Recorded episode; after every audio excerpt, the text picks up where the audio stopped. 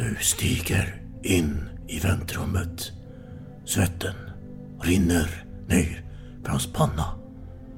I väntrummet stirrar alla på dig.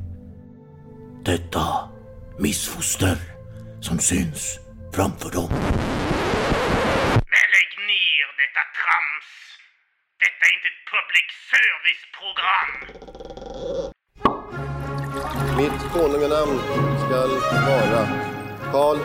Sextonde Gustav. We shall never surrender. Allen Zeiten nicht die Mehrheit! Kom inte med en sån jävla provocerande och aggressiv ton mot mig. Där har våldet triumferat. Ask not what your country can do for you. Ask what you can do for your country. Ska vi verkligen öppna en till flaska? ja, vad fan har du att välja mellan? Skål, ta mig fan! I have a dream. Ah, I see you look at your leader. And I too look to you, Paul Bauma.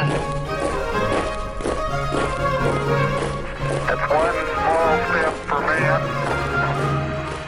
one giant leap for mankind. Men då säger jag varmt välkomna till Salongsberusad historia, där historien lyser i mörkret. Det var fint sagt. Jag känner mig ganska kallt välkommen, men jag, jag värmer i alla fall upp strupen. Hur är det på din sida? Jo, det, det var två grader i rummet när jag steg in här där jag sitter. Nu är det väl uppe i fem grader, så det är, det är kyligt. Men jag har eh, en flaska vin med mig. Eh, Jag har dig på andra sidan, telefon, slingan. Det är ganska trevligt ändå, gemytligt. Ja, precis. Det är, I höstrusket här så får man göra det bästa av situationen. Precis, det är oktober trots allt och det känns ju lite konstigt att fråga om du har haft en bra sommar nu när det har gått Ja, Två, det, det är oktober men det är ingen fest just nu i alla fall. Nej, nej men har du haft en bra sommar då? Eh, ja, det var så länge sedan nu men Ja, minnena du var i. Frankrike, du drack vin. Ja, Ja, som tur var så, så återuppväcks minnena när man tar fram eh, vinflaskorna och kan liksom andas in de fina ångorna. Inköpen, ja, ja. Ja, precis. Nej, nej, men- Nej, men det har varit helt okej. Eh, ja, varmt och trevligt och, och bra. Eh, Hur har din sommar varit? Jo då, det var regnigt och jävligt. Men jag kom iväg en vecka till Sydtyrolen. Fantastiskt. Friheternas land. Det är Italien då, men det är mycket tyska och sånt där. Du vet, man kan köpa vin i but- matbutiker, man får röka på uteserveringar. Det är, Ja. det är god mat och allt som möjligt. Hundarna är med inne i eh, eh, ja, motsvarigheten till ICA-butikerna. Det, det är frihet på riktigt. Du har vinbutiker som är öppet sent på kvällarna. Med ja, hyfsat utbud. Äh, det, är, det är fint och så kommer man hem till Sverige. Ska du ranta? Men Ja. jag tänkte jag skulle bara flika in här att du hade ju några mysterier på hotellet också. Och någon slags... Eh, Ja, det du får jätte... ett vi- glas vin liksom om du löser den här Ja, men problemet. fantastiskt hotell, lite butikhotell med underbar personal. Väldigt gemytligt. Man är uppe eh, i, berg, i bergen där och hänger, åker lift upp. Det känns lite som Örnästet varje dag. Man tar sig upp där, sen går en liten bergståg som går där mellan städerna där uppe på bergsklipporna och det är fantastiskt på alla sätt och vis. Men så kommer man hem till Sverige, och vad händer då? Ja men det, det regnar och är 10 grader, det, det är liksom, det är vad det är. Men, vet du när sorgen slår en? För det första är, är när man landar på Arlanda ska jag säga, vilket jävla deprimerande flygplats det är. Alltså det finns ju ing, alltså vilket jävla u-land vi är. Alltså ingenting symboliserar u-land mer än Arlanda. Alltså det finns ju inget vettigt på Arlanda. Jämfört med typ Münchens eh, flygplats eller... Ja, det, är väl, Ja. det är väl relativt rena toaletter ändå om man ska se någon Ja, ja, jo, jo, det kan man ju ja, jämfört med Münchens bussterminals toaletter. Det är nog vidare jag varit på. Det kostar förvisso 10 kronor. Jag tänkte man ska ha lite standard. Alltså, standard, men alltså det ska ändå vara rent när man går in. Nu går man in där liksom, toaletten är helt sönderskiten. Alltså det är bara avföring på hela sitsen, väggarna, golvet. Alltså det är så jävla vidrigt. Det låter lite mer, eh, om man får använda uttrycket u-land då. Mm. Kanske. Just den aspekten. Men de får, men de får ändå dricka Köpa öl i matbutiken, vilken, alltså på en sån grej liksom, starköl. Ja, nej men så kommer man hem till Sverige och så då blir man lite törstig när man kommer hem till Sverige, det blir man ju oftast. Då måste man ge sig in till det lokala bulkvinsbolagsbutiken. Och då blir man så jävla, då slår det mig vilket jävla u-land vi är. Alltså, skiten som finns på hyllorna i, på Systembolaget, alltså det är, det- är så patetiskt Alex, det är så patetiskt. Alltså det är bara massa jävla bulkviner, som är ursprungsförfalskade. Det står att en jävla mytomspunnen italienare som har gjort skiten. Så verkligheten är det en jävla Enzo blandare i. Simrishamn som har gjort det där. Det, är, alltså, det mesta görs i Simrishamn, utan faktiskt en grek, som- han är väl bra på att blanda förvisso, liksom, men inte det. Men alltså det är... Du får, du, får ju, du får ju uppskatta hantverket. Han har blandat ihop någonting bra. Ja men det är skit alltså. De här bulkvinerna som kostar några kronor, en tia att producera per liter, säljs på den svenska marknaden och alltså det är så absurt. Alltså fattar du att de gör de här jävla bulkvinerna och så ska man, vet, måste, ska de säga, men måste ha en etikett som passar marknaden. Det finns en jävla bildbibliotek, etikettbibliotek som du kan gå och söka efter etiketter på. Så får hoppas att ingen annan har använt just den etiketten som passar marknaden i Sverige. Eller vad fan det är. Det, är så absurt Alex. Vet du, det enda gången det kittlar i kistan när man går in på Systembolaget, när är det? När är det Alex? Eh, Det är väl eh, tillfälliga sortiment Precis, och varför det? Varför just tillfälliga sortimentet som är lite kittande? det är lite nytt. Nej, det är som för när, det finns när inget jävla- smak av Dime liksom. och- Ja men det finns det är ingen jävla krav på att det ska finnas några jävla standardsortiment i alla butiker i hela jävla Sverige. Så då kan man ta in viner som är lite mer småskaliga, som är mer rimliga. Alltså det är, vilken jävla vinproducent ska producera så mängder som krävs för att fylla det standardsortimentet i, på svenska systembolaget? det finns ju det- knappt några. Jag får ju tänka att de, de där nere i uh, Ystad måste ju kunna ringa någon i Haparanda och säga det där vinet som vi köpte förra veckan, det, det kan jag rekommendera. Så, Ja, så det säger en andra snubbe bara, bulkvin som är skit. Alltså det finns inga skäl. Och sen det, vinbranschen i stort är en jävla misär alltså. Det, det ska jag gudarna veta. Ja, det är så ja, mycket nu, nu känner jag att det här börjar ta upp lite för mycket tid här. Ska vi Ja, ja, kanske... men- nej, men- jag har ja, förstått det att din sommar var ganska bra, men uh, blev dålig. Uh, jag Ja, håller nej, med dig, det var regnet där. Alltså det finns två, tre saker i livet som är viktiga för mig. Ett, Ja. Kunna handla anständiga viner när man vill på, alltså vilken dag man vill och vilk, alltså gärna efter klockan sju också, även en söndag. Det är viktigt för mig. Nummer två, att man får röka utomhus på uteserveringar. Helst inne, men ja, det kan jag köpa att folk inte vill. Men att man inte får röka på en uteservering, horribelt. Och det tredje, att man inte får med sig hundjäveln på lokala snabbmats, det vill säga snabb, eh, vad fan heter det? Lokala ikan. Alltså det är så här simpla saker. Ge mig detta så är, du, du är fri. Det är frihet för mig Alex. Det är frihet för mig. Okej, finns, det, finns det något fritt land då som har alla de där tre? Ja, Italien hade det tydligen det, eller Sydtyrolen där. Ja. Ja, där, där var det så. Okej, ja, Ja. då vet vi. Paradis på jorden. Ja, uppenbarligen. Men är, är det så jävla höga krav att ha? Jag vet inte, det är väl bara Sydtyrolen i hela världen som har alla Nej, tre. vadå, såklart i Frankrike att man tar med sig hunden in på när man går in. Vad heter den här, vad heter den jävla stora franska kedjan nu igen? Alla- många. Ja men den stora, största. Ja, men det finns jättemånga. The biggest. Kom igen nu. Eh, Carrefour har du, du Ja. har... ehm, ja, Super U finns något som heter... Ja, ja. Och visst fan ser du hundar Det finns? Intermarché. Vad sa du? Visst fan ser du hundar springa runt där? Ah, nog, nej. Jo, det är det tveksamt, fan alltså. säkert. Mycket, det mycket säkert. Det var du som tveksamt. inte reagerat på det. Nej men liksom att du går in på ett jävla slakteri liksom och ser dem eh, hugga köttet och så serverar de lite öl och vin på sidan om Mm, liksom. Ja, det, det, det är magiskt. Det är magiskt. Ja. Ja, ja. Där ser man, där vi ska man. inte prata Ja. om eh, frihet och sådana här triviala saker. Vi ska prata om någonting Nej. annat Alex. Vad ska vi prata om? Ja, det ska vi, ja, det- vi kommer in på det. Jag tänker, ska vi börja med leken kanske? Så vi får det gjort. Ja, just det. Vi har en lek ja. Jag har fem poäng Ja. kvar för att ta hem den här skiten. Ja, vi Ja. kör.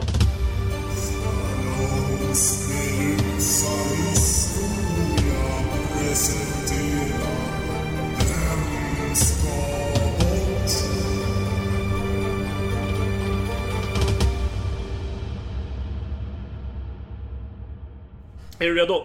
Jag är redo. Jag kommer inte ge så jättemycket kontext nu för jag kommer bara säga... eh, Jag kommer vara lite återhållsam med, med, med hjälpen för jag tror att det kan möjligen bli för lätt kanske. Ja, vi får se. Eh, men ja, okej, då kör vi. Eh, okej, nummer ett. Ulrik Salkov. Jaha, konståkaren. Nummer två. Antonin Panenka. Panenka. Ja, det är väl eh, fotbollsspelaren. Eh, nummer tre. Dick Fosbury. Ja, och så sista namnet då. Eh, Thomas Chippendale. Thomas Chippendale. Ja, alla är idrottare såklart uppenbarligen. Det är väl det uppenbara. Förutom Chippendale som är designer förvisso, men eh, de andra, det är tre. Jag tycker inte det var så enkelt. Det vore, det vore ju helt otroligt om det var så pass. Okej, en möbeldesignare på 1700-talet. Vi har en fotbollsspelare. Vi har en höjdhoppare och en konståkare.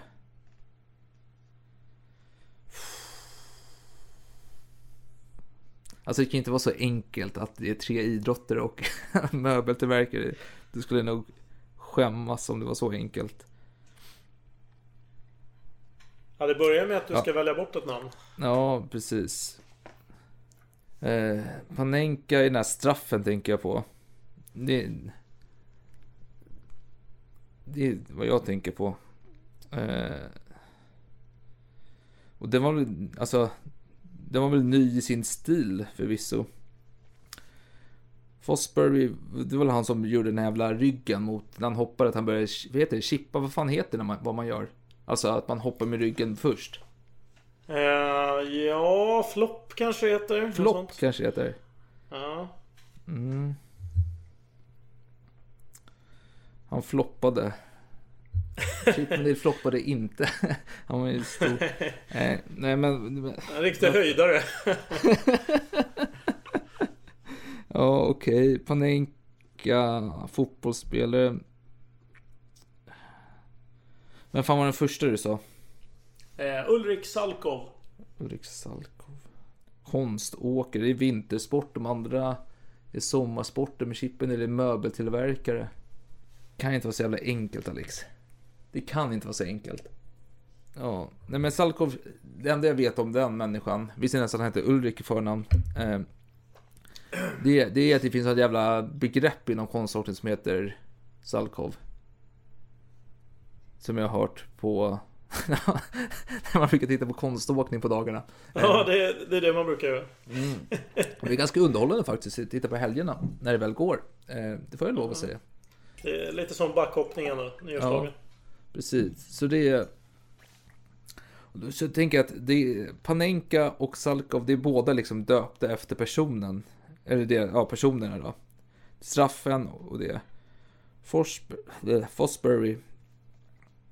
Han kommer förvisso på flippen. Heter det flipp? Flopp? Ja, flopp. Ja, flopp. Och Chippendale. Eh, vad fan, jag känner inte... Jag känner fan inte igen några jävla möbler som heter Chippendale. Eller? Finns det det? Jag kan inte prata för mycket här. Jag- måste nog be dig om ett svar. Jag kan kommentera i efterhand i sådana fall. Fast, ja, nej, det, kanske, blir svårt. ja, men det kanske finns någonting som heter Chippendale stil eller något liknande. i- Jag kan fan inte det där alltså. Så jag väljer mellan Chippendale och eh, Fosbury. Eh, men jag vet inte, liksom någon av dem... ja, någon av dem är uppenbarligen fel. Eh, kanske båda, men... Vad fan, heter det Flopp eller heter det Fosbury? Men man hör ju aldrig någon säga Fosbury. Hör man det? Ja du. Du talar med en vägg okej, just men, nu. men okej, jag, jag säger att Chippendale ska bort. Och det är rätt. Du har vunnit leken. Tackar, tackar. Du får en chans att ta fullt Ja, upp till och med. då. ja nej, men då säger jag det att det är olika saker som är döpta efter olika saker. Alltså, då heter det säkert Fosbury Flop. Eller Chip. Vad fan heter det? Mm, okej. Så, eh, Och hur Panenka låter- hur straff lyder det och mot- Salkov Ja. eh, alla har namngett något inom dess genre så att säga, i deras respektive grenar. Ja, nej men det är helt rätt. Det är ju inom sina respektive sporter och så har de ju Ja. gett namn till ett begrepp eller en stil eller teknik eller något sånt där. Eh, Så vi kan börja med Ulrik Salkov, svensk konståkare. Han eh, har ju gett upphov till det här hoppet då, som går att göra i flera utföranden. Dubbel, trippel, kvadruppel. Eh, Det ett hopp alltså? Ja, det är ett hopp som heter Salkov. Ja. Eh, sen finns det i teorin kanske en kvinttuppel, men jag tror inte någon har lyckats med det. Eh, nu är jag ingen expert i ämnet då, men... Eh, och sen har vi då, vi går vidare till Antonin Panenka, eh, tjeckoslovakisk fotbollsspelare. Ja. Eh, mest känd för sin straff, sin kalla straff där han liksom chippar den in i mål. Eh, liksom fintar målvakten på något sätt. Ja. Lurar. Eh, det, är, det är ganska kallt att, att göra en sån straff. Jo, men den- är dålig om man misslyckas också. Ja, det är pinsamt om man misslyckas. Eh, Så, Ja. så att ja, det, det krävs lite nerver och stål eller ja. det- eh, Man, man har mycket att riskera. Ja. Eh, sen har vi Dick då, Fosbury, höjdhoppare. Eh, amerikansk höjdhoppare. var han som uppfann den här tekniken att inte hoppa med fötterna först utan huvudet först och köra med, med ryggen. Då. Det, det kallas Fosbury Flop. Man säger ju inte så mycket för att det är ju det som alla kör egentligen. Så det blir Ja. mer standard. Men- Eh, Men icke desto mindre, man säger Fosbury Flop om tekniken. Okej, den heter alltså så- så. Ja, precis. Och sen har vi sist då, Thomas Chippendale. Där tänkte jag att jag skulle finta det. Att du kanske skulle börja tänka på liksom strippklubbar och... Ja, ja, precis. De manliga stripporna. Nej. Ja, ja, där misslyckades det. Men möbeldesigner så har egentligen... Visst, han har, han har ju namngett den här stilen. Chippendale-stilen heter det faktiskt. eh. Möblerna. Eh, Men det har ju ingenting med, med liksom idrott och, och idrottstekniker så jag tycker att det är ganska tydligt att det har inte med saken att göra. Eh, Men jag vill inte ta något så här tydligt alternativ. Jag, jag funderar på Fop, Peter Forsberg. Ja, fotbollsstraffen. Och, och, och, ja, nej, fast det hade ju inte funkat för det hade ju varit en kandidat till... eh, Alltså, Ja, fast det är ju vara Kenta. Nilsson-dragning. Det Ja, är snurra det mot ju, det är USA det. först. Ja precis, men då, då tänkte jag så här, ja men foppatoffla.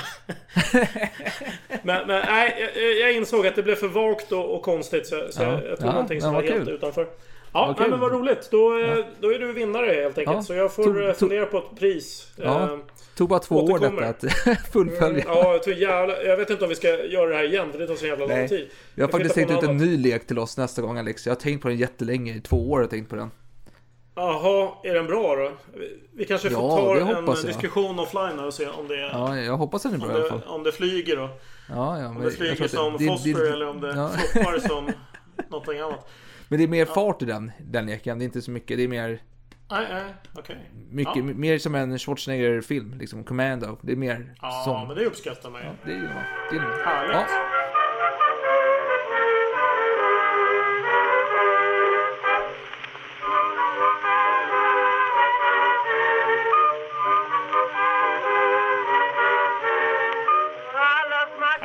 Under inledningen så pratade vi lite grann om sommaren. Och, ja, jag längtar tillbaka till sommaren.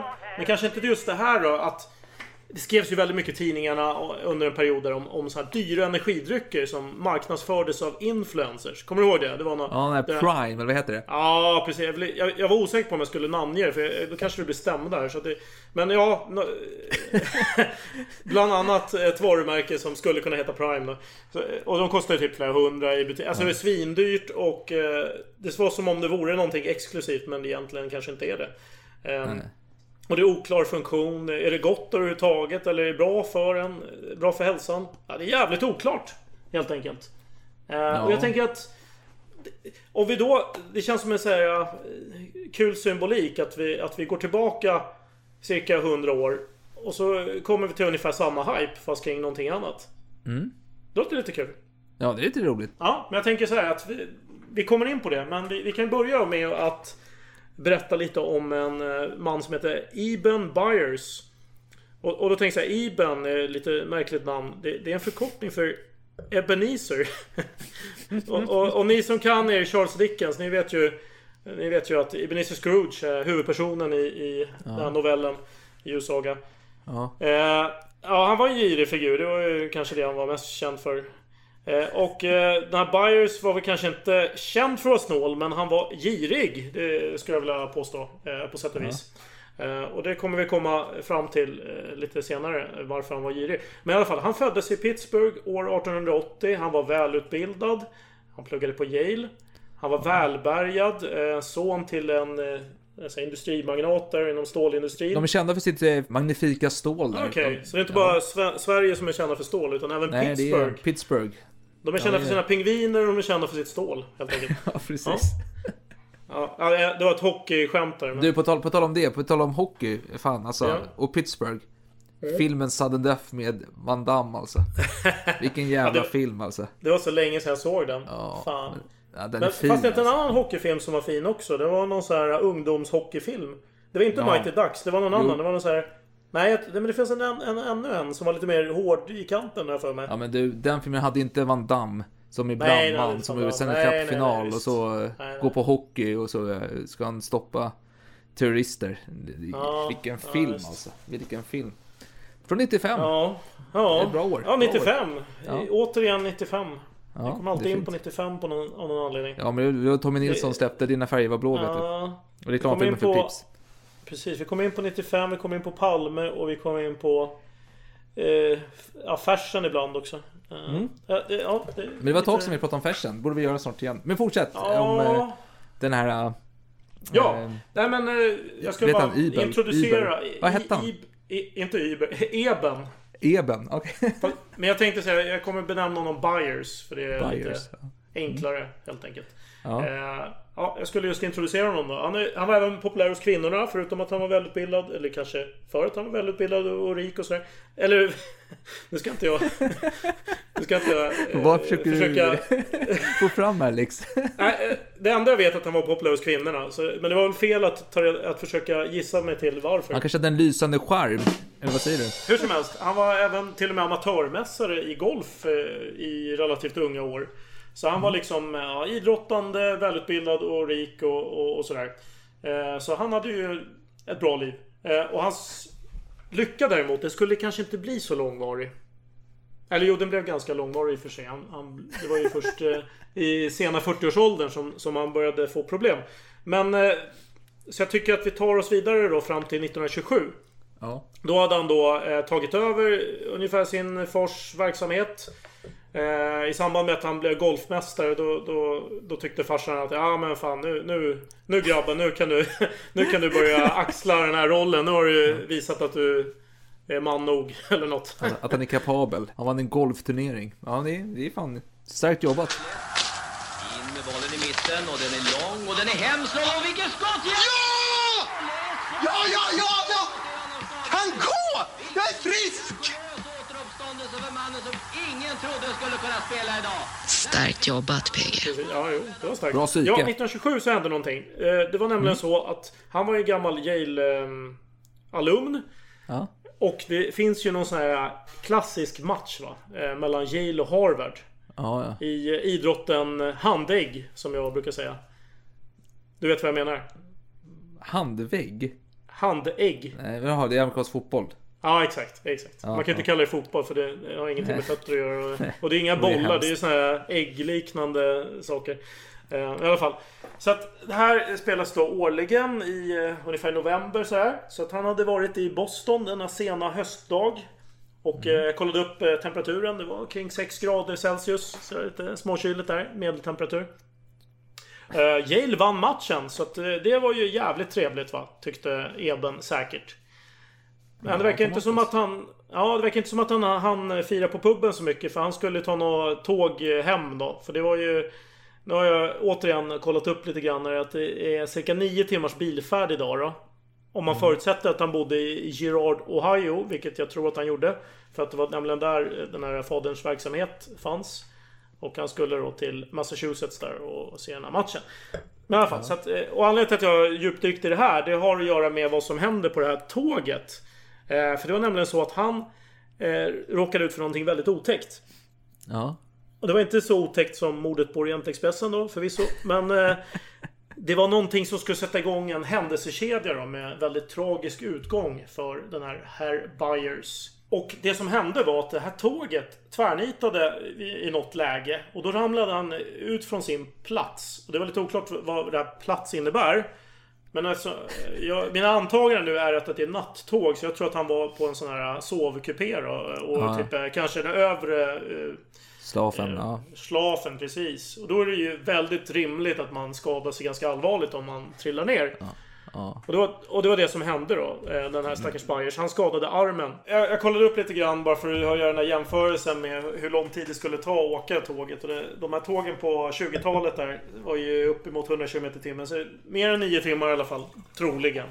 Eh, Ja. Så, så att det, det var en eh, natt, nattåg helt enkelt. Det är så långt alltså? Eh, Hemskt. Ja, det är ganska långt. Så det var hemskt för Byers. Men eh, i alla fall, han kom hem så småningom. Eh, och eh, hade fortfarande lite krämpor från den här armen alltså, som inte ville ge med sig. Han hade fått så här minskad rörlighet i arm och axel och sådär. Så han går ju till sin läkare.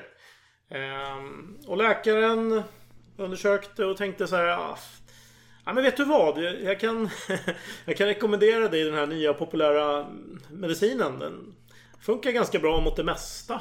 Ehm, och eh, det funkar dels mot mot det där med rörlighet och sådär. Sen kan det vara lite lusthöjande. Och då sken ju säkert Byers upp då eftersom han var populär hos kvinnorna och kanske ville förhöja sin potens där på lite äldre dagar. Vad vet jag. Ja. Nu, var han inte, nu var han inte så gammal i och för sig men ja, allt är relativt.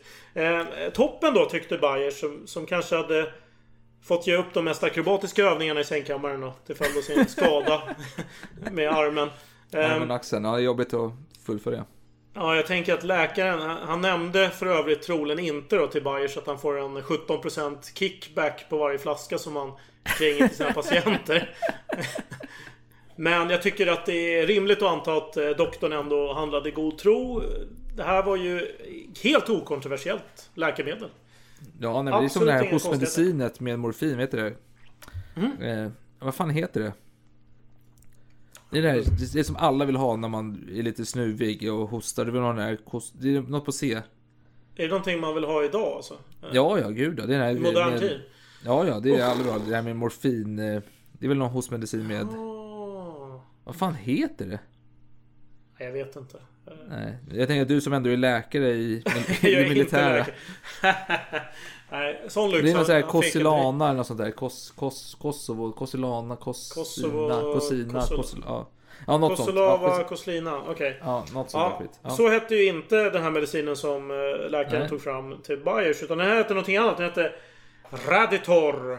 Det låter ju Oj. ganska Låter häftigt. som en Arnold Schwarzenegger-film faktiskt, på 80-talet. Ja, Radithor. Ja. Precis, det är fantastiskt. Det är en sån här dryck, i dryckesform då, den här medicinen. Mm. Eh, och den gav ju en fantastisk effekt. Nu vet Det är inte ett ganska så här manligt kodat namn ändå. Det känns ändå som att det skulle passa bra på manliga marknaden. Liksom. Det är någon så här stenhård Mm. trailerröst i reklamen. Precis. En man som bara sitter lite, spänner sina muskler och... Man tänker Ja. en uh, mörk röst som säger så här. Nej men det är actionfilmsmedicin. Eh, och han kände omedelbart hur hans hälsa förbättrades. Och började därför dricka stora kvantiteter av den här Radithor. Och nu är det jävligt oklart om det smakar gott överhuvudtaget. Det, det vet jag ingenting om. Eh, men han drack upp till tre flaskor om dagen av det. Ja. Och han gjorde så i flera års tid. Och han eh, snackade om att eh, det här är fantastiskt. Det är bra grej.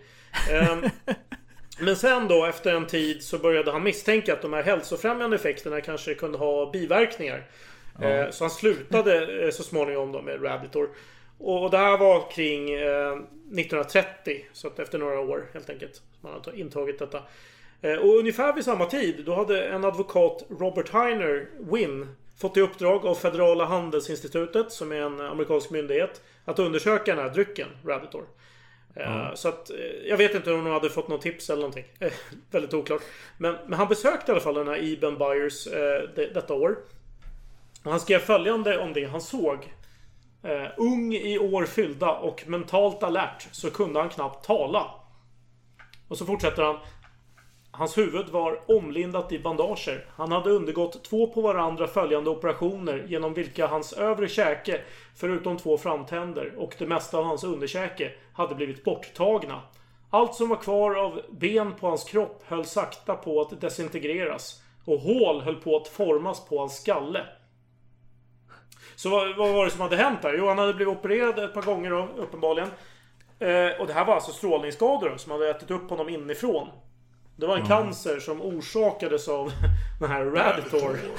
eh, eller ja, kanske rent mer specifikt då. Eh, ämnet radium som fanns i Raditor. Ja. Eh, jag ska bara säga någonting om, om den här Raditor-drycken innan eh, vi går vidare. Men Raditor var eh, en patenterad dryck då. Som William Bailey hade skapat. Det här är lite ödets ironi för att han var en avhoppare av Harvard. Alltså konkurrenten till Yale. Så att det var ju någon slags hämnd då på, på, efter den här matchen som de förlorade kanske. Kan man ju se det som. Att, att den här mannen då lyck, lyckades få um, Byers att dricka eh, Raditor. Eh, han var ingen doktor överhuvudtaget men han utgav sig för att vara det. Den Ja. här uppfinnaren. Så det han hade gjort var att lösa upp eh, radium i destillerat vatten. Ja, det, det var det som var hans medicin. Och eh, ja, ska vi prata lite om varför, hur det kommer sig att man får för sig en sån idé? Vem, vem kommer på tanken att liksom blanda radium med destillerat vatten? Varför skulle man tro att det har hälsofrämjande effekter? Det är lite märkligt, kanske. Ja, nej, ja, Efterhand. jo, abs absolut, absolut. Det är väl jättemärkligt. Jag tänk, jag bara, när du berättade det så tänkte jag på Voltaren utan någon anledning. Det var inte också så att massa så här idrottare tog det typ varje dag och fick hjärtproblem och någon dog eller sånt där. Lite samma känsla. Men i alla fall, det var inte det jag skulle komma till. Nej men, nej, men såklart. Eh, radion hade ju upptäckt så här ett tag tidigare utav Curie-paret. Eller mest Marie då.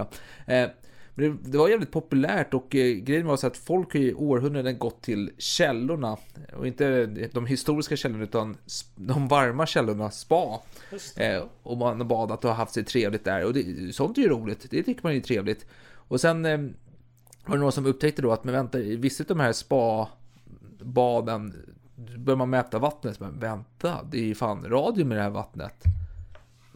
Och, det är radioaktivt liksom. Ja, det är, alltså det, det är rent ja. naturligt att det är så. Man, För radium wow. är radioaktivt ämne. Det ja. kanske är självklart, men ja, jag säger det ändå. Ja, bra att du förtydligar. Nej, men då tänkte vissa så här, men vilken grej. Här går folk och badar och mår bra utav det. Och det måste ju vara tack vare det här radiumet som är i vattnet här och plaskar mm. runt här. Mm, mm, mm.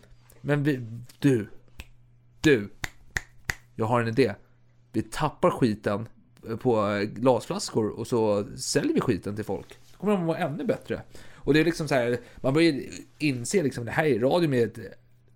allverkande, alltså det är som den här, vad heter det här som man brukar ha i hemmet? Eh, eh, bikarbonat, det funkar till allt möjligt liksom. Det är liksom många användningsområden, det har cancer, gikt och det mår bra också, det ser snygg ut, det blir, får bort rynkor, det är bättre än Q10 hela kittet liksom. Alltså alla de här... Ja, det är föryngrande effekt ja, det ja, radioaktivitet. Ja, ja. Eh, och tänk då, tänk då om du dricker radio, vilken grej mm. det skulle vara. Vilken jävla grej. Precis, alltså. för det, det, det, är liksom Det är energi på, alltså det, det är energiskt. Det kan liksom utstråla ljus och allt möjligt. Alltså det, det är så här, Det bara skriker hälsa om alltihop liksom. Ja, ja. Kan jag få i mig den där energin så kommer jag bli få jättebra energi själv. Det är väl en rimlig tanke? Det har legat här framför våra ögon i århundraden och ingen har fattat att det är så jävla ja, nyttigt. Naturligt är det också. Det är ja. ekologiskt hela köret liksom. Alltså när saker blir populära, det märker man ju själv liksom. När det var pojkbanden på 90-talet. Helt plötsligt kom massa olika pojkband. Alltså, tänker på Voxpop. Hur många pojkband var inte med på Voxpop? Det var de här bandet Moffits, vad heter de? Moffats. Ingen kommer ihåg dem idag, men de var stora då, 97, 98.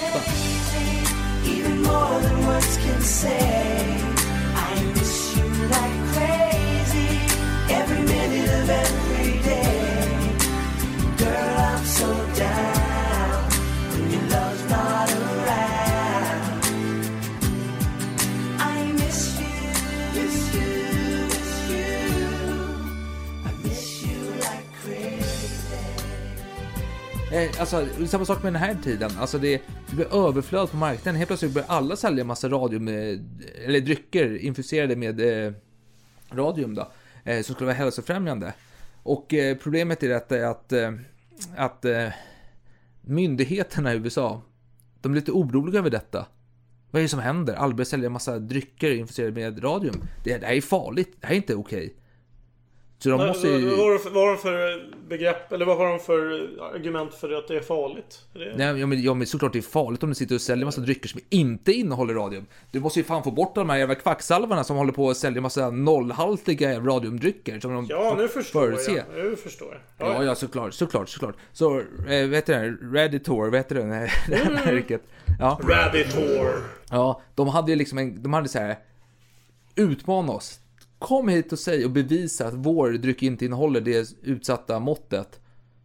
Så kommer vi lägga ner liksom. Kommer vi få pengar och vi lägger ner. Men ingen gjorde det, för de hade ju rätt liksom. Men de, det roliga är att USAs eh, myndigheter, de fick bort de här nollprocentarna liksom. Eh, mm.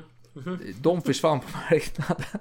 och kvar var de som innehöll den eh, farliga dosen då. De fick, de fick ja. fortsätta verka då. I... Ja, jag kanske ska bara avsluta kanske. Nu kommer ja. jag på lite efterhand. Vi berättade inte riktigt vad som hände med, med Buyers. Ska jag avsluta med det kanske? Eller? Ja, men gör det. Innan, gör det. innan vi tar vid. Ja. ja. Eh, för när Buyers, som jag berättade med det här citatet så höll hans käke på att liksom försvinna. Hela mm. hans kropp höll på att desintegrera. Så han dog ju där inom ett par år tror jag från... Alltså jag minns inte, men jag tror det var 1932 eller något sånt. Som han dog. Eh, ja. Av sina skador. Och eh, han begravdes i en eh, blykista. Och denna blykista grävdes faktiskt upp eh, typ 30 år senare. Och eh, då mätte man eh, radioaktiviteten och då hade man gjort en gissning. Bara, nej men rent eh, statistiskt då borde han ha så här mycket radioaktivitet. Men då hade han typ dubbla dosen eller någonting. Alltså det är helt extremt. Och då börjar man fundera, okej antingen så har han underskattat hur mycket han drack. Att, att tre flaskor om dagen det var för lite. Att han drack sex flaskor. Ja. eller, så, eller så har någon räknat fel. Men i alla fall. Alltså han var extremt eh, radioaktiv helt enkelt. Jo, nej men jag, jag, jag kan faktiskt ta vid här på tal om Mhm. honom då och eh, en artikel som släpptes i Times då den 11 april, måndagen 1932. Och då på tal om det här med hur mycket radium han hade i kroppen. Då fanns det, man gjorde en, eh, heter det, obduktion och då var det en läkare som kom in dit och som hette Frederick Finn. Lägg hans namn på minnet Alex, lägg hans namn på minnet. Japp. Eh, han eh, gjorde lite mätningar. Han uppskattade då att han hade 36 mikrogram av, av radium i kroppen. Och 10 mikrogram var dödligt helt enkelt. Så han hade 3,6 gånger så mycket Mm. i kroppen. Och då börjar man säga, men vad fan, var fick han allt ifrån då? Och då, då är det hans läkare som hade ordinerat så sent som veckan innan han dog. Eh, alltså, han, alltså, jag vet inte om det framgick tydligt nog i ditt citat men hans käke ramlade ju för fan helvete av alltså. Det, den, det var, den bara försvann. Eh, Mm. det, det var dåligt. Och då sa hans läkare då som, eh, ja, han blev lite ifrågasatt. inte. Raditor-läkaren då eller? Nej, nej, nej, alltså den, Nej. hans, en som hade ordinerat det här då, Moyer och så, Mayer hette han någonting sådär. Eh, var det han som ordinerade Raditor? Det var honom Ja, jag menade. det- Det är ja, en Raditor-läkaren som hade något att Ja, säga. en vecka, veckan innan han dog så hade han fått en eh, ordination här utav läkaren på mer. Okej, shit. ja, ja, och då, då, då Det skulle den låter här lite som de läkaren... medeltida läkarna som liksom, ja men mer, eh, vet du det, vet blodsutgjutelser, vad kallas det? Ja, Eh, Ja, du vet vad jag åderlåtning. menar. Ja. Åderlåtning, exakt. Exakt. ja, nej, men så, han blev lite ifrågasatt då helt enkelt. Och då skulle han försvara sig. Eh, då sa han så här då. Jag har aldrig haft eh, dödsfall bland mina patienter för radiumbehandling. Jag har tagit lika mycket, om inte mer, än den här kunden och Bayers då.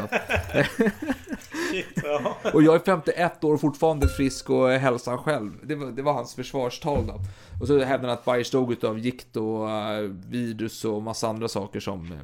eh, ja, massa blodsjukdomar som gjorde att han dog då. Så det var absolut inte att detta... Nej, nej. vet jag, universalmedel som eh, hade dödat honom. Nej men alltså, radion var ju populärt. Det fanns ju smink i kläder, kondomer, bindor, allt möjligt. Allt du kunde tänka dig. Radium infuserat. Det var ju, det var ju underverk alltså. Eh, Det var ju Mm. även potensmedel. Kunde man använda, ta lite tabletter för radium. Eller radiumtabletter och så fick du blodförseln ner dit. Den lyste också säkert i mörkret på en sån grej. Ja men exakt, nej men man tänker... Trick or treat. Ja, nej men det är, ju- det är ju väldigt lätt att ta till sig också att nej, men det här måste ju ha massa positiva effekter. Det är ju så liksom energiskt liksom. Det är, det är, och, och plus att det finns i de här hälsokällorna. Då kopplar man ju det till hälsa. Det är ju fullt Ja, ja. rimligt. Alla gillar ett bra hälsobad liksom. I naturliga Exakt. källor. Och det, det gör man fortfarande. Jag tror att det är, jag tror att det är Tjeckien, jag kan ha fel här. Där det fortfarande eh, finns mycket är det många människor som badar i de här hälsokällorna som är eh, känt radioaktiva. Det är, det är lite lä, det är ju lägre doser då än Raditor såklart. Men fortfarande så ser man det som positivt.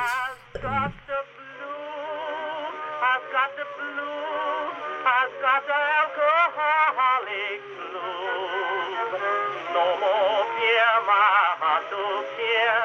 Goodbye, whiskey. You used to make me frisky.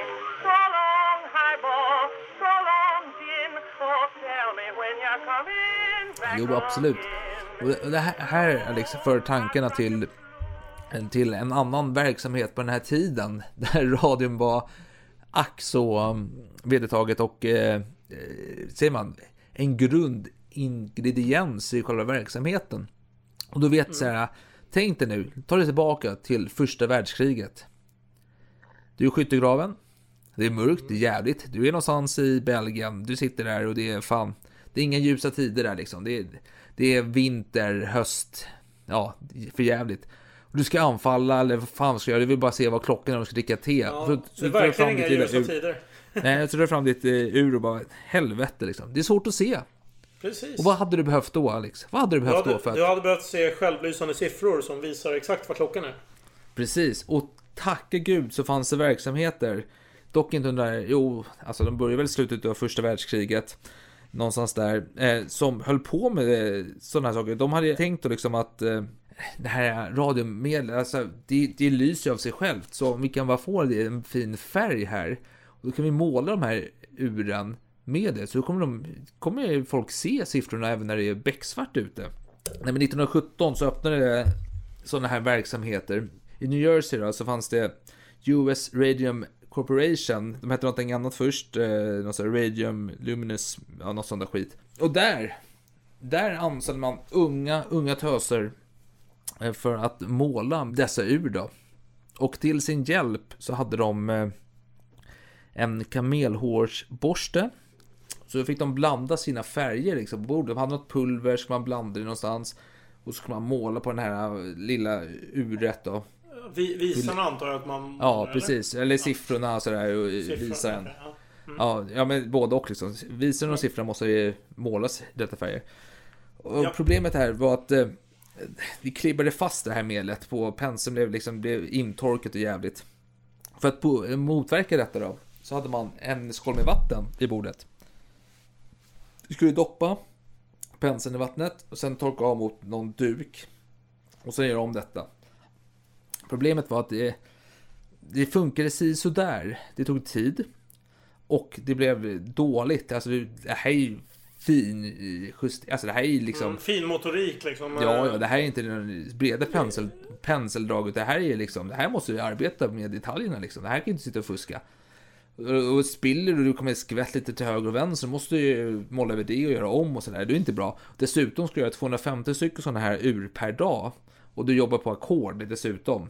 Och dessutom så är det jävligt välavlönat jämfört med en fabriksarbete eller något annat sånt där eh, halvtaskigt eh, betalt Mm. arbete. Alltså en, en vad heter det, fabriksarbetare tjänar runt, på den här tiden, runt 5 dollar i veckan eller vad. Och de här äh, tösarna, de tjänar ju upp mot eh, 18, 17, 18 dollar. Och kunder, de bästa tjänar runt 25 dollar per vecka.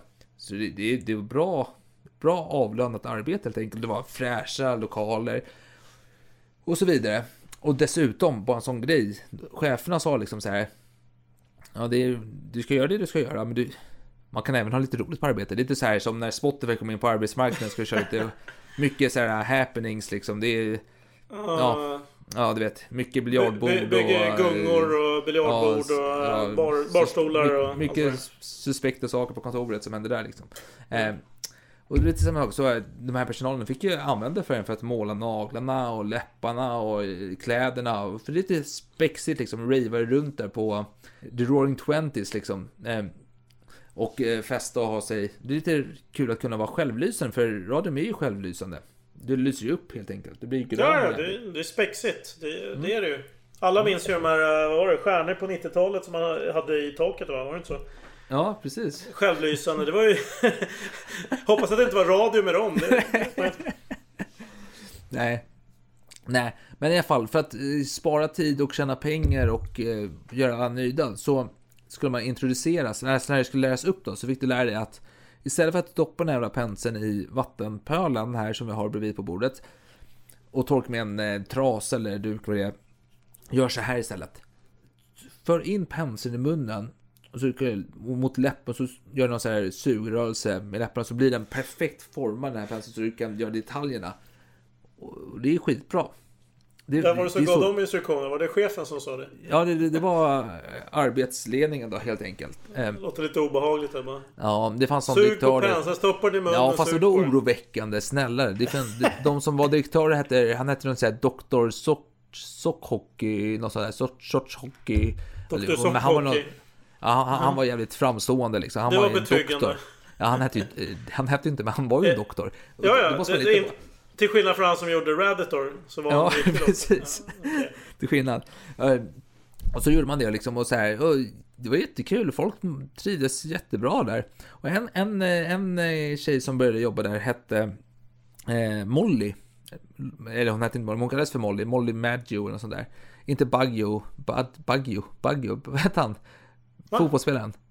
Ja, Baggio. Roberto Baggio. Baggio. Italienska. Han är Ja, 90, precis. VM Bonne 94. Maggio. Ja, precis. Jävla bra fotboll, de här fotbollsbilderna man hade. I de här albumen. Vilka fina Ja, saker. ja, Panini-albumen ja. Mm. Ja, nu ska vi inte fastna i 90-talet. Nej, nej, men, Kör- men hon hette. Maggio i efternamn. Men hon kallades Ja, för men det är ju som. Veronica. Ja, Maggio. precis. Ja, helt rätt, helt rätt, helt rätt.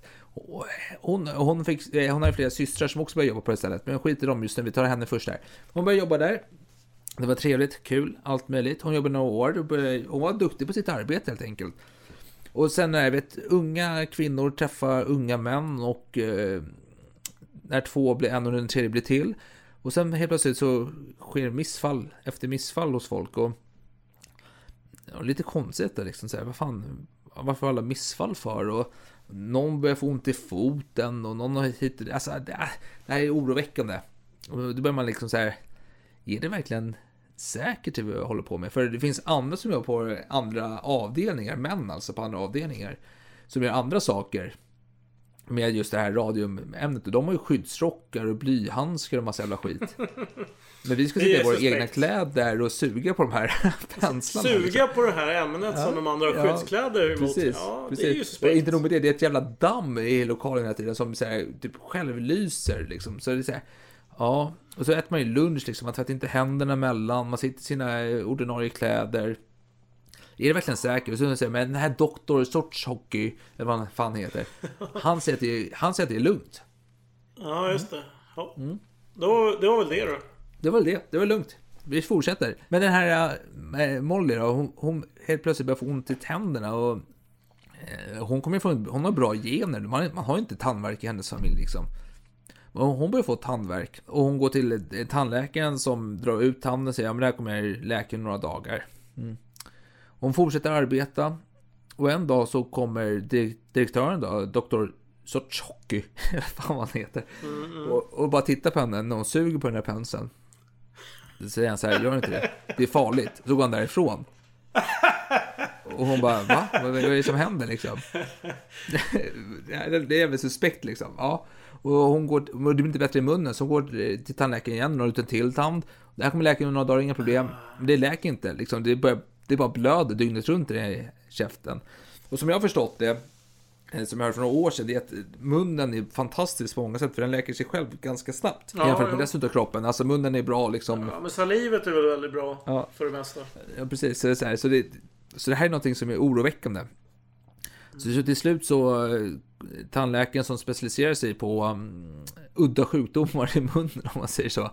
Vad fan, vad är det som händer med det liksom? Eh, Tandläkaren står för house här. Som... Ja, verkligen, verkligen. Så börjar dra den liksom på käken och så bara faller käken av, underkäken.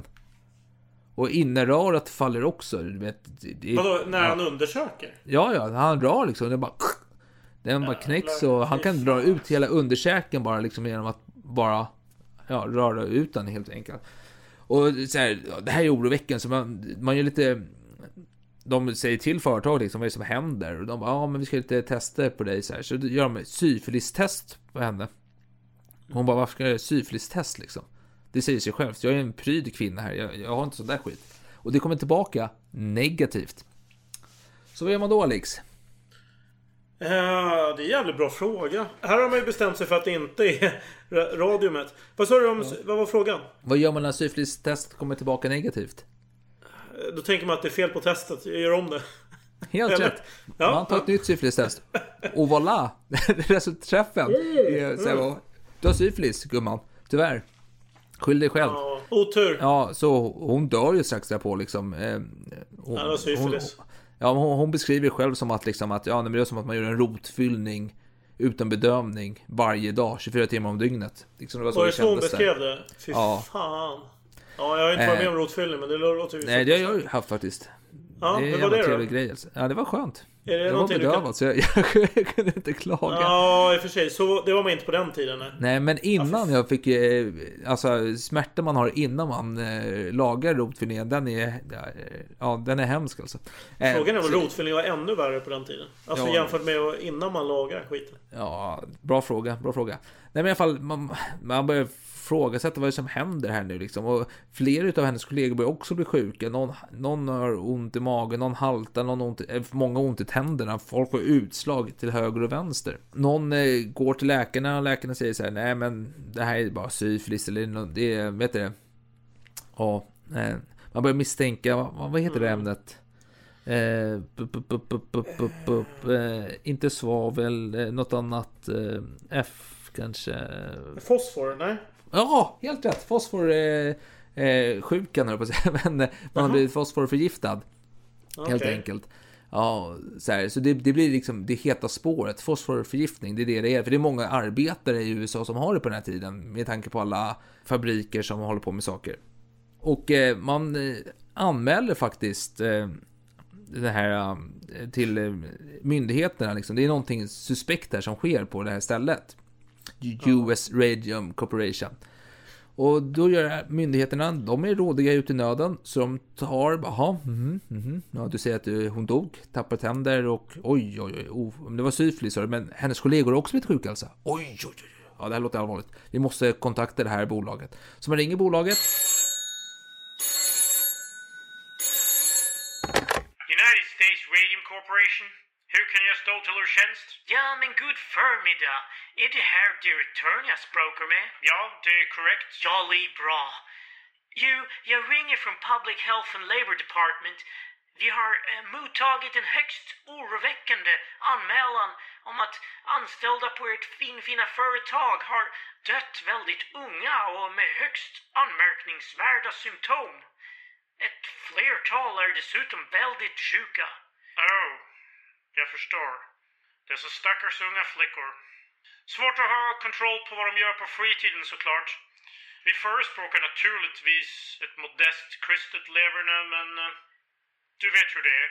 Ja, att dessa satans suffragetter ska få hålla på. Är det inte kraftiga höftrörelser till musik, ifall man nu ens kan kalla den här jazzen för musik? Om du frågar mig så är det bara en massa analfabeter som låtsas att de kan läsa noter, bara plinkar en massa dissonanta skalor upp och ner. Kan bara instämma. Men ungdomarna gillar att röra höften till det och höften går i ett, även när de kommer ut ur lokalerna. Om, om herr direktören förstår vad jag menar. Bra, bra. Men nu är det så att anmälaren hävdar att de har blivit sjuka på grund av sitt arbete hos er. Så jag måste nu få höra ifall dessa flickor hanterar några ämnen som potentiellt kan vara farliga hos er. Farliga ämnen på United States Rating Corporation? Ha! Nu har jag nog hört allt! Självklart hanterar vi inget farligt ämne hos oss.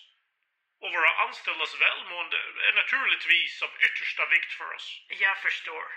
När en sådan välbärgad direktör som ni säger det så har jag självklart ingen anledning att misstro det. Ehm, Vet ni vad? Jag gör som så att jag, jag sätter en stämpel på den här anmälan att utredningen är avslutad. Inget farligt ämne har påträffats hos ert fina bolag. Det låter som en klok idé. Men då får jag tacka för att herr direktören tog sig tid. Jag önskar er en fin dag. så lägger man på luren och så är, så är det avskrivet helt enkelt. Det är inga problem med detta. En, en kommentar där. Eh, Ja. Jag för mig att de, här, de som jobbade på de här fabrikerna, det var liksom inga högprofilmänniskor. Det var ju relativt... Ja... eh, De, de kände det ju bra för att vara fabriksarbetare, men det var liksom inga... Det kanske inte skrevs så, så mycket i tidningarna om, om eh, personer med den statusen. Om man jämför då med, med till exempel den här golfmästaren Ja, som jag pratade nej. om. Nej. Precis, det var inga Bayers-människor här. Verkligen inte. Det var inga stålmagnater här. Nej, fy fan. Nej, det, här, det, här var, det här var fattiga kvinnor. Och Så det var ju lite lättare att avfärda kanske. Ja, men och grejen var så här, man anställde ju kvinnor som skulle vara 18 år, men en del var ju runt 15-14 år och började arbeta där liksom. Så här, så. Och de var, många var fattiga dessutom och...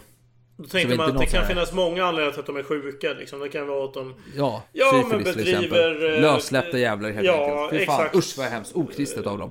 Verkligen, usch. Vi behöver inte gå till botten med det liksom. Nej, vi vet vad det är för eh, sjökor här som håller på och härjar runt på eh, kontorsgolven och har sig, äcklar sig. Ja, nej usch. Nej, men det, det, det, låter, det låter ju rimligt helt enkelt. Men sen börjar det så här, helt plötsligt börjar eh, företaget bara säga, ja fast du damer, ni på golvet där. Undvik att sug på penslarna. Och tänkte man så här, varför det helt plötsligt? Jaha, Ja, så bara- då börjar folk förundra. Ja, det är så här, bara, jo, nej men för ert saliv förstör färgen. på... så det blir, det blir inget bra detta liksom så här. Ah. Ja, och jag tänkte så här, då började vissa bara, fast det här stämmer ju inte liksom. Så här, ni vet någonting som inte vi vet, det är uppenbarligen. Okej, ja då var jag, tänkte ändå två, tre gånger där. Ja, men, så här, men, eh, men eh, samtidigt så gick det ju snabbt eh, tillbaka till gamla vanor helt enkelt. Och det, det fanns ju ett annat eh, företag i eh, Ottawa, fast inte Ottawa i Kanada, utan Ottawa utanför eh, Chicago. Alltså varför håller nordamerikaner på med det där? Håller på att döpa om flera städer i samma namn. Det är helt vansinnigt. Det är Ja. Jätteförvirrande. Men fortsätt din historia. De hette ju Radium Dial Company. Och de flyttade till Peru i Illinois. Ah, bara en sån, bara, ja, varför är Det finns ju Eh, Paris salt- någonstans i USA också. Det är helt sjukt. Alltså lägg, lägg ner.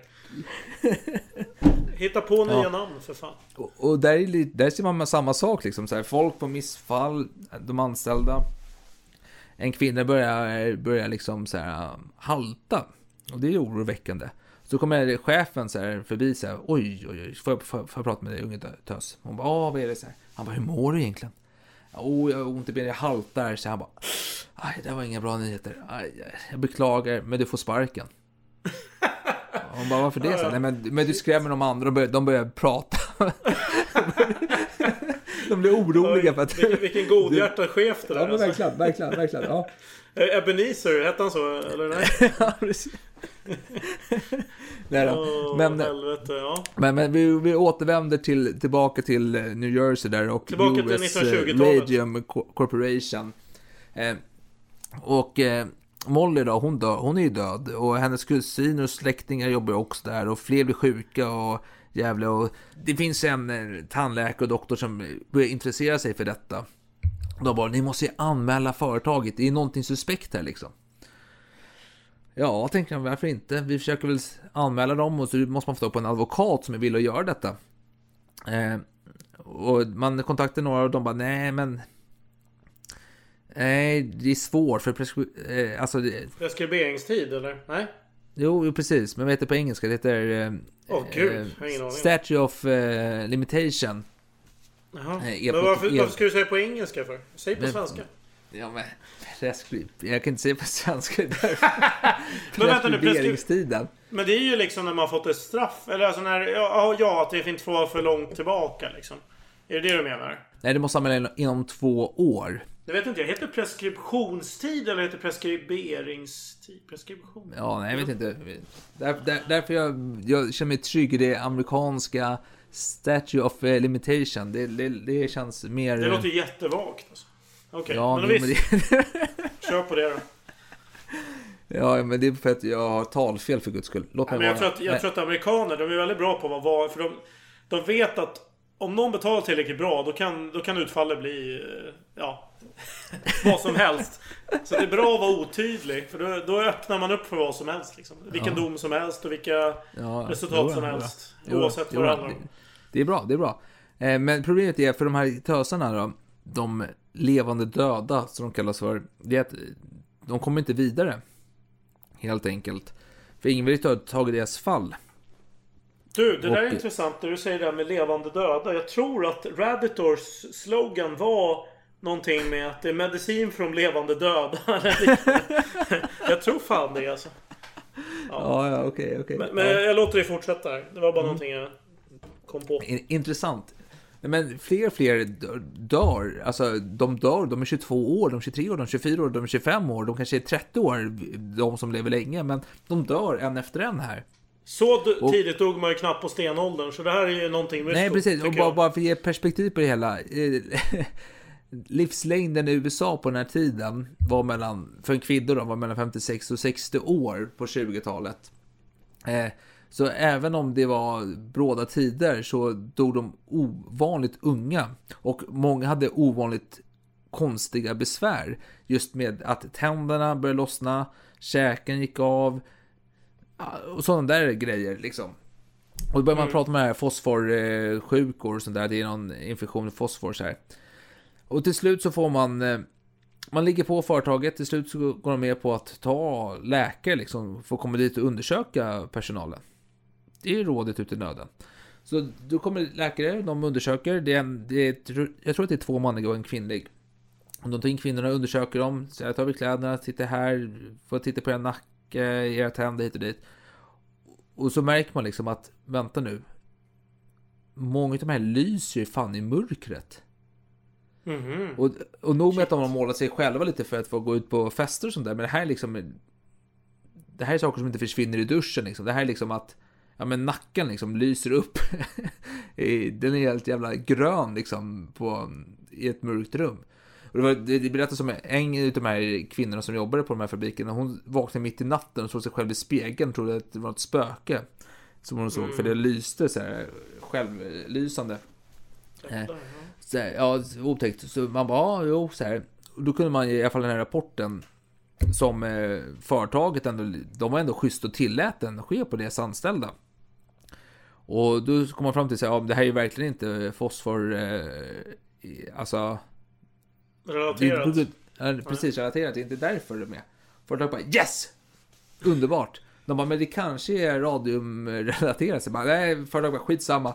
De gjorde, slog på trumma och så här, det är Sjukdomen har absolut ingenting med eh, radium att göra. Det det inte fosforrelaterat. Det är lugnt. Inga, inga problem. Vi har inte fosfor i våra produkter och varor hit och dit. Så här. Så att du är inte radiumrelaterat, du menar fosforrelaterat? Var- Ja, ja, det är inte fosforrelaterat, förlåt. Ja, så här, det, det, det är verkligen, det var det de eh, fokuserade på liksom. Så här, det är inte fosforrelaterat. Ja, Så, för radium, det var ju, det var ju rena hälsoprodukten. Det är ju typ som... Ja, ja. Ja. Eh, vad fan heter de jävla bär, gojibär liksom? Det, det är gojibär för fan! Alla vet gojibär, det är det bästa för hälsan. Du kan Ja, ja. överösa med gojibär. Liksom. Det måste vara det här andra skiten som är problemet. ja, det, det är inte fosfor i alla fall. Det är alkoholen, det är inte gojibären.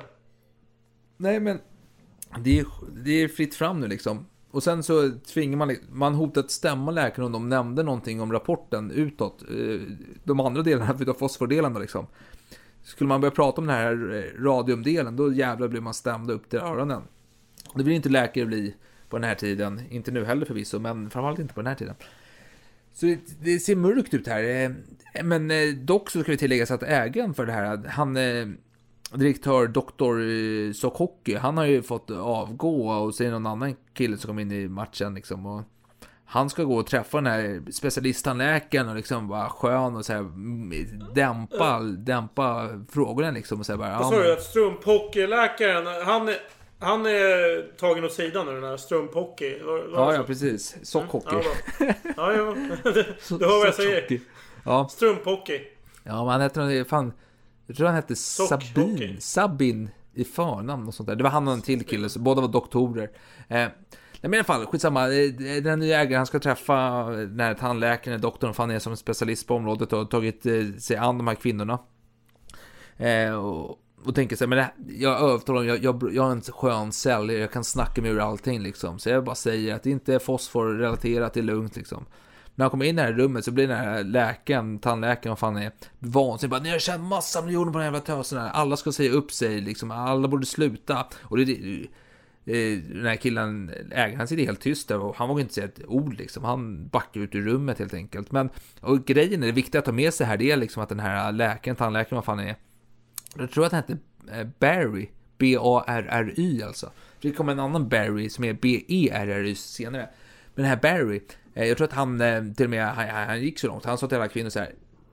Sluta jobba där, gå därifrån. Nu! Omedelbums. Det är väl lätt sagt, lättare sagt än gjort om man... ja, jo, liksom, precis. och, ja, och, och sen så här, säg åt dina kollegor också liksom. Säg åt dina kollegor att gå härifrån. Mm. Ni är kvinnor, ni ska inte arbeta. Nej, jag skämtar Ja, bara. Det men är därför han sa det. Han sa jag det tycker bara utav att det är omtanke. ganska dåligt tips. Alltså, det är ju så här, ja men kasta bort dina pengar liksom. Gå, gå på gatan istället. Det är ganska Mm. dåligt tips. Det, det hade varit en annan sak om han var villig att anställa dem eller någonting. Då hade jag ju Ja, men jo, sett att det här var absolut. lite mer trevligt. Jo men absolut, liksom så här, du, okej, du tjänar, eh, säg så här, du tjänar 24 pund om du är höjdare, på- om du är bäst i klassen liksom. Du tjänar 24 dollar menar jag, inte pund. 24 dollar. Och så ska du gå ner och ta ett jobb som är 5 dollar istället. Alltså, jag tror, det är, jag tror det är få som skulle gå ner i lön så mycket, liksom rent Så det, här, frivilligt. det, här, det här är lite som att gå in på en Facebookgrupp och bara göra like på någon sån här uh, kampanj mot uh, krig i världen liksom. Bara, ja men jag gillar det här och fred liksom. Ah, nu har jag gjort något, nu har jag gjort en insats.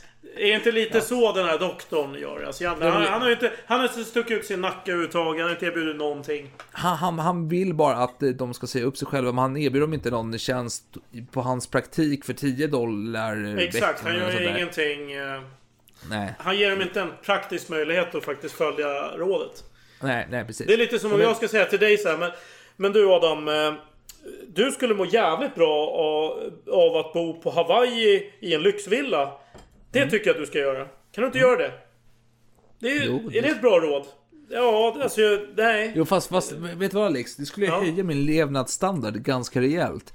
Det han försöker göra är att sänka så här. Du, du har en förstahands eh, Ja, hyra här, eh, kontrakt på en lägenhet. Se upp den. Ja, jo, Bo. nej men du har rätt. Bo under eh, eh, broarna Bo i på gatan. Där, Bo på där gatan. kan du bo. Det är skitskönt. Bo på Malmskillnadsgatan. Bo där. Det är mer Gå hälsosamt för där, gå där på kvällen. Det blir jättebra för dig. Du kommer känna lite mindre, men det är lugnt. Du kommer att trivas. Ja, Nej då. är- Men, men han, han ville väl, han ville väl. Det, ska väl, det får vara med. Ja, ja, kanske. Kanske. Jo, men såklart han ville väl. Eller så friskrev han sig själv i historierna. Han... eh, Nej men han skrev, han skrek åt den här ägaren. Låt, fria honom här Lex, fria honom. Var- Okej, tänk- okej. tänk jag friar. Jo, man ska hellre fria än fälla. Absolut. Jag, Ja, fäll, jag absolut. friar honom. Jag tänkte precis. fälla där, men... Ja, men, nej, men jag är berusad men- så jag får Ja, ja, det, det får det vara. Men i alla fall, eh, samtidigt som det börjar skrivas lite i tidningen om detta nu. För det blir lite, lite, lite grejer som händer här. Och eh, det skrivs i framför allt medicinska tidningar. Det finns en läkare som beskriver detta som radiumkäke. Och uttrycket kommer först inte från dessa fall utan från cancerpatienter som får liknande problem med käken när de får medicin mot cancer, eh, cancern, alltså i form av radium. Då eh, upptäcks, alltså det är då de här eh, symptomen framhävdes. Så det, pratas om detta nu här internt. Men i Ottawa utanför Chicago, Illinois, där har ingen hört talas om detta. Men där har man kommit på en ny metod. Man ska inte sitta och doppa de här kamelhårspenslarna i munnen, utan vi har lite så här glaspenslar istället. Som ni kan använda er utav. Mhm. Ja, säger folk så men de är lite dåliga. Alltså det, blir, det tar lång tid att använda dem, resultatet blir sämre. Och för att komma ikapp liksom, för du, får ju, du tjänar ju pengar per... Eh, Du får inte bättre utför- betalt när de eh, byter verktyg. Så, det, så istället för att använda den här ehm, vet du, elborren så ska du använda den här jäkla kilen. Mm. Och du får samma lön som tidigare. Är det en eh, Nej, du får, du får mindre lön för du, du får ju mindre lön för du hinner inte Nej, med lika nej mycket. alltså det är samma lön för per arbetad eller genomförd eh, arbete. Ja. Det vill säga det blir Ja, mycket precis. mindre i praktiken. Ja, precis. Precis. Helt rätt. Helt rätt. Helt rätt.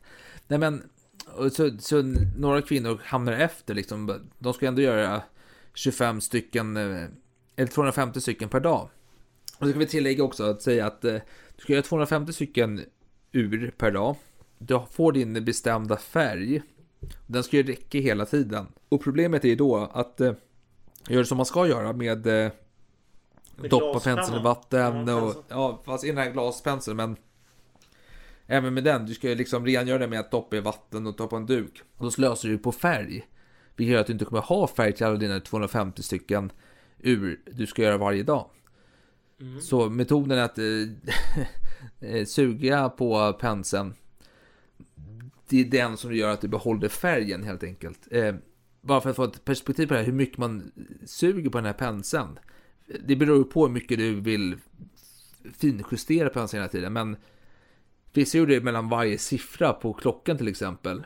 Och, och gör du, alltså det innebär att det blir ungefär, vissa gjorde mellan 1000 till 2000 gånger per dag, doppar den i munnen då. Och, och, ja, och formar penseln med, mun- med hjälp av munnen. Så det är ganska ofta man stoppar in den helt enkelt. Eh, men den här glaspenseln i alla fall. Några eh, kvinnor på fabriken ligger efter.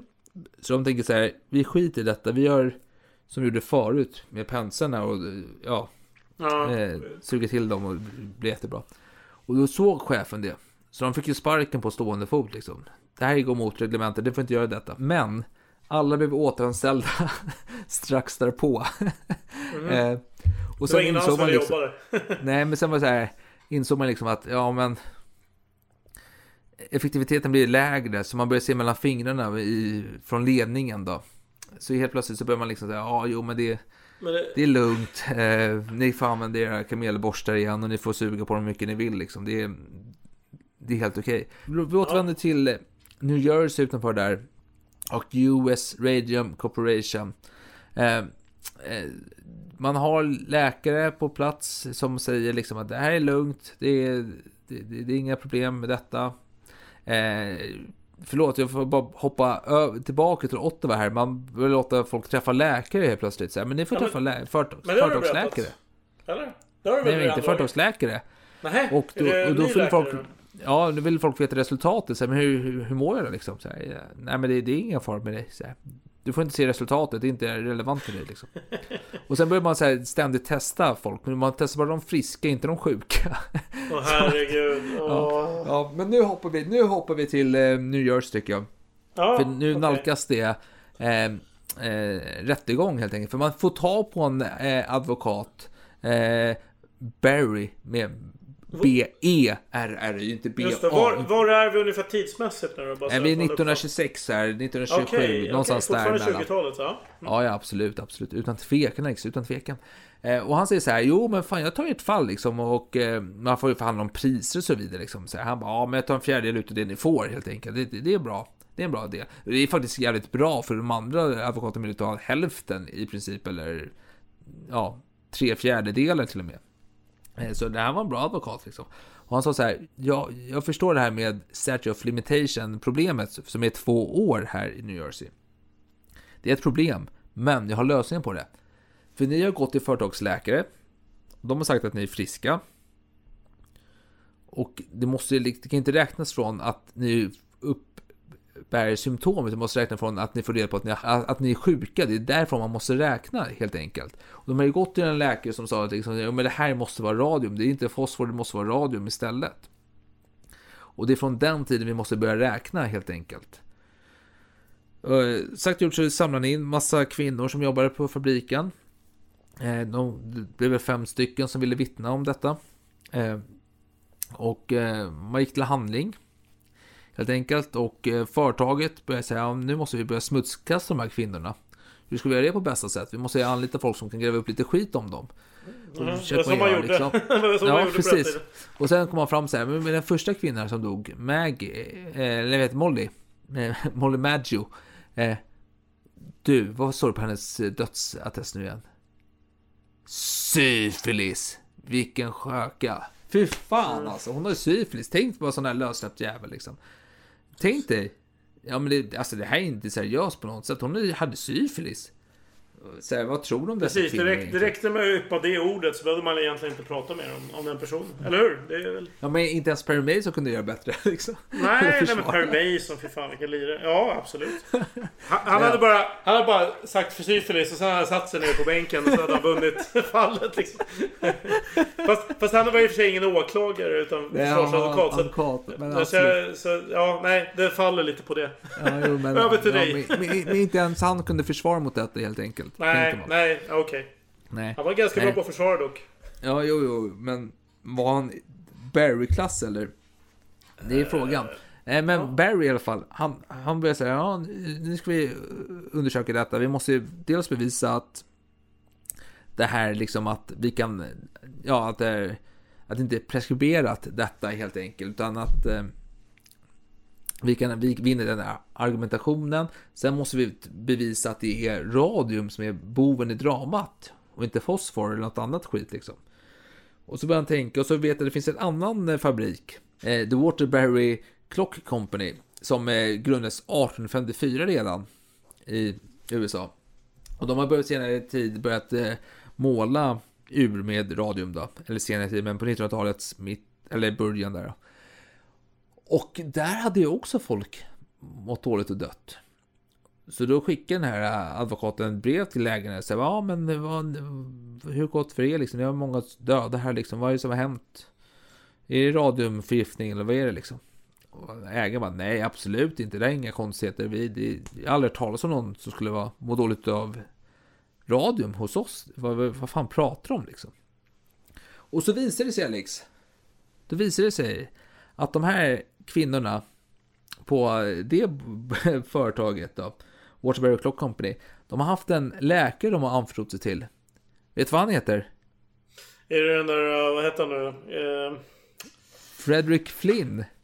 Jaha, okej. Okay. Det var inte han jag tänkte på. Jag tänkte på den där uh, hockeymannen. Nej, nej, nej, nej, nej. Rock nej, nej. hockey. Nej, nej, det här var alltså eh, han som uttalade sig om eh, radon, eller radiumhalten hos Byers. Att den var Mm, 36 mikrogram istället, ja, och det 10 var dödligt. Ja, det var han som jag skulle lägga på minnet ja. Jo, absolut. Ja, precis. Helt rätt. Yes. Ja. Ja. Och han hade, alltså, han, kvinnorna, de anförtrodde sig åt honom. Han, han kämpade för deras skull. Han bara, ja, jo, du är... Du är frisk, sa han till dem. Även om de var typ dödssjuk och låg framför honom med typ nästan respirator liksom. Jag vet, så här, käken har fallit, fallit bort och de kunde knappt gå. Så han bara, men du är, du är friskare än vad jag är liksom. Han låter inte jättekompetent alltså. eh, Hittills. Nej men han, nej, men han satt och gjorde massa så här, eh, röntgenbilder på dem, analyserade dem och bara säga ja men det här är helt... Du är frisk som en nötkärna. Det, det här är inte alls ett problem liksom. Jag står fast för min iakttagelse. Så gick han till företaget och bara jo, nej, men de här kvinnorna vill förlika mer, men så ger de ja, några dollar så liksom. Så han, han spelar på båda sidor, liksom på båda planhalvorna. Så eh, den som fick typ lägst ersättning fick eh, 40 dollar för skadorna, helt enkelt. Men vänta nu. fick- Det, lå- det låter inte som att han spelar för kvinnorna i och med att eh, han säger att de är friska. Nej, men han, han är anställd för bolaget. Jo, men men han låtsas vara på det. Så han, han, han förlikar ju hela tiden med kvinnorna och säger så här. Du ska inte dra detta vidare. Och grejen är så här att eh, på det här, Fast i då det är här han ju området. ensidig. Du, alltså, ja okej. Du- Jo, Jag men- kanske jo, bara men- missförstod det. Nej, ja, nej alltså, alltså han, är, han är utåt sett är han eh, opartisk. Ja, ja, ja. Men i praktiken så är han I ju helt praktiken, han är anställd utav företaget. Jaha. Det är lite som Marlboro-läkarna liksom. eller. Ja, jo precis. Nej, men så här, och i det här området i USA, då är den här uh, blä, Statue of Limitation. Ja, Statue of Limitation. Den är fem år. Och då tycker den här eh, advokat Barry, Barry, han tycker liksom att men någon måste ju ha fan anmält att och försökt driva mot arbetsgivaren. Men då, det var då den här uh, Frederick Flynn kom in i bilden. För han, liksom, han förlikade mellan, alltså, han, han förde kvinnornas talan mot företag och så här, men ersatte med några, ja, några hundra dollar. I vissa fall Det- tusen dollar. Det är intressant att han överhuvudtaget lyckas ge dem pengar i och med att han säger att de är friska. Så varför skulle kvinnorna ens få något Ja, pengar? men företaget säger väl liksom så här, det är synd om er, vi, vi är Ja, en god det är inte arbetsgivare. vårt fel, men ni får pengar ändå. Liksom. Ja, ja, men, ja verkligen i princip. Eh, och han blev ju även inblandad här i det andra fallet med eh, i New Jersey då, med US Radium Corporation. Men problemet var att den här advokaten började så här ifrågasätta. Bara så här, vad fan, vad är det för jävla lirare? Så han skickade efter, liksom så här, jag vill veta allt om den här killen till eh, ja, Myndigheten för medicinutövning då i USA. Och de bara, nej men han har absolut inte rätt att utfärda eller utöva medicinsk verksamhet. Han, är doktor i filosofi. Okej. Han är till och med samma klass som William ba- Bailey, alltså han Raditor-patent. Ja, så han har suttit alltså och gjort massa så här undersökningar på folk och eh, så här, prover och kört massa jävla eh, röntgenbilder hit och dit. Han, han är inte rätt att praktisera detta helt enkelt. Men han säger så här, men jag är väl då, jag är ju en eh, jag är läkare inom eh, företagsmedicin och så här, han tycker att han, han, han är väl kompetent nog för detta helt enkelt. Eh, Men det börjar nalkas rättegång i alla fall. Man kommer närmare och eh, då måste du bevisa att, eh, att eh, man har dött utav radium då. Och att man har haft eh, radium, eh, alltså att, att din kropp är påverkad av det. Och hur gör man det då? Jo, det är så här att man får gräva upp eh, liket utav eh, Molly, första offret då. Och för då kan man koka hennes eh, ben med någon jävla syra och då kommer man se liksom om det är radium i det eller inte. Eh, så man, man ska gräva upp hennes kista. Och när man gräver upp kistan så märker man att kistan bara den lyser lite suspekt liksom. så man, ja. Man, man inser ganska snabbt liksom, du tar ut skallen liksom och så bara okej vi, vi kokar den i någon jävla syra och så. Eller vi gör först bränner till aska och sen kokar den syra. Och så är det så här, jo men det här är fan radium liksom. Det, här- det här är liksom brutalt mycket. Mm. Och till slut så lyckas man liksom, advokaterna liksom så här, de, de försöker, de kämpar ju med näbbar och klor liksom så här, de ifrågasätter alla liksom så här, jaha, så här, alla läkare som är för de drabbade så så här, jaha, har du någon erfarenhet av eh, radiumsjukdomar? Och de bara, nej, det är första gången vi upptäcker detta liksom. För det här har varit en hälsokur tidigare liksom. Ingen har tänkt på att det, att det är skadligt liksom. De här, precis, du har inte någon erfarenhet av detta. Kan du verkligen uttala dig om detta på ett korrekt sätt? Men, men till slut lyckas man eh, vinna fallet. Eh, de blev skyldiga att ersätta, vad det är, tror jag, 10 000 i skadestånd. Jag tror att kravet var 250 000 i början. Eh, men de fick 10 000 plus 600 årligen i en pension och alla läkarbesök betalda. Men detta var redan 1926 alltså? Nej, det var, nej ja, 27, 28. Alltså det blev... någon- Ja, okej, och- För jag bara och- tänker att då borde ju, annars borde ju den här Byers kanske ha anat någonting. För han drack Jo, ju nej. den här ja, skiten eh, ända fram till 1930. Absolut, och det ska tilläggas att i Ottawa där, det andra bolaget, där var det stämningsansökningar som höll på som avslutades som sent som 38-39. Ah. Eh, också liksom, Det drog ut på tiden. Ingen fällande Ja. dom förrän ganska sent. nej nej liksom så här, och sen är du skyldig hit och dit, det är en, det är en smaksak liksom. Fast det är ju ändå ganska sensationellt det här med att radium skulle vara farligt. Det, det känns som Jo, att jo är en- absolut, men man börjar helt plötsligt liksom, det ska tilläggas, man glömde berätta att på det här stället i New Jersey då, US Radium Corporation, chefskemisten dog Mm. på 20-talet. Och då började företaget undersöka saken. Ja, Inte jo. alla kvinnor hade vetat innan, utan när den där Nej. kemisten dog, då var det såhär, Ja. hmm, varför dör han för? det här, det här, kan det vara Men- någonting med våra produkter att göra? Men då Eh. stämmer det ganska mycket. Alltså det, det sammanfaller i tid ungefär med när Byers börjar misstänka saker. Det är där Ja, slutet av ja. 20-talet, början på 30-talet som man kanske allmänt kunde be- säga att det faktiskt var ett problem. Jo, jo precis. Pro- Problemet var, det kommer ju så här förlikningar fram och tillbaka på 20-talet. 30-talet blev det den här dödsstöten och då börjar man lägga om verksamheten. Då börjar man börja ha skyddsrockar och, och massa jävla inkorporera bly i verksamheten på ett annat sätt. Mm. Men även här sockhockey. Ja, så hette han ja. Han, han dog ju också, hans kollega dog, dog också ganska unga. Många offer helt enkelt, även bland ledningen och direktörerna som ändå var i fabriken. Men det ska tilläggas att eh, på eh, Water, vad heter det? På Waterbury Clock Company. Det fanns en kvinna där. Hon dog 2014, 107 år gammal. Hon hade dock fått tandproblem tidigt och bröstcancer. Men hon blev eh, så pass gammal. Men hon jobbade bara sex månader, eller fem månader vad fan det var. Bland eh, själva att måla på de här uren. Hon tyckte det smakade äckligt. Det här radiofärgen. Hon hade fan bra känsla. där. Så 107 år, så är det? Mm. Det är ju otroligt. Helt otroligt. Och bröstcancer. Ja. Nej, men hon fick bröstcancer tidigare, men hon överlevde det. Men hon fick ju det- problem med det- tänderna tidigt också. Vid 30 års ålder tappade hon typ alla tänder och sånt där. Ja, okej. Ja, I sammanhanget kanske olustigt, men ändå lite lustigt att just att man behandlar eh, vet du, cancer just med, med strålning. Alltså strål... Eh, Ja. ja. Strålbehandling. Eh, Ja. Och det, det har ju att göra med att det, det är liksom en avvägning. För det verkar som att cancern är känsligare för strålning än vad de friska cellerna är. Men, men det är ju liksom en balansgång. För att har man, kör man lite för mycket strålning då kommer det istället skada cellerna som ska liksom eh, hålla tumörer borta och så vidare. Ja. Så, så för mig var det lite fascinerande just det här med, med cancer och, och eh, strålning. Att det, det är både botemedel och giftet liksom. Som skapar cancer.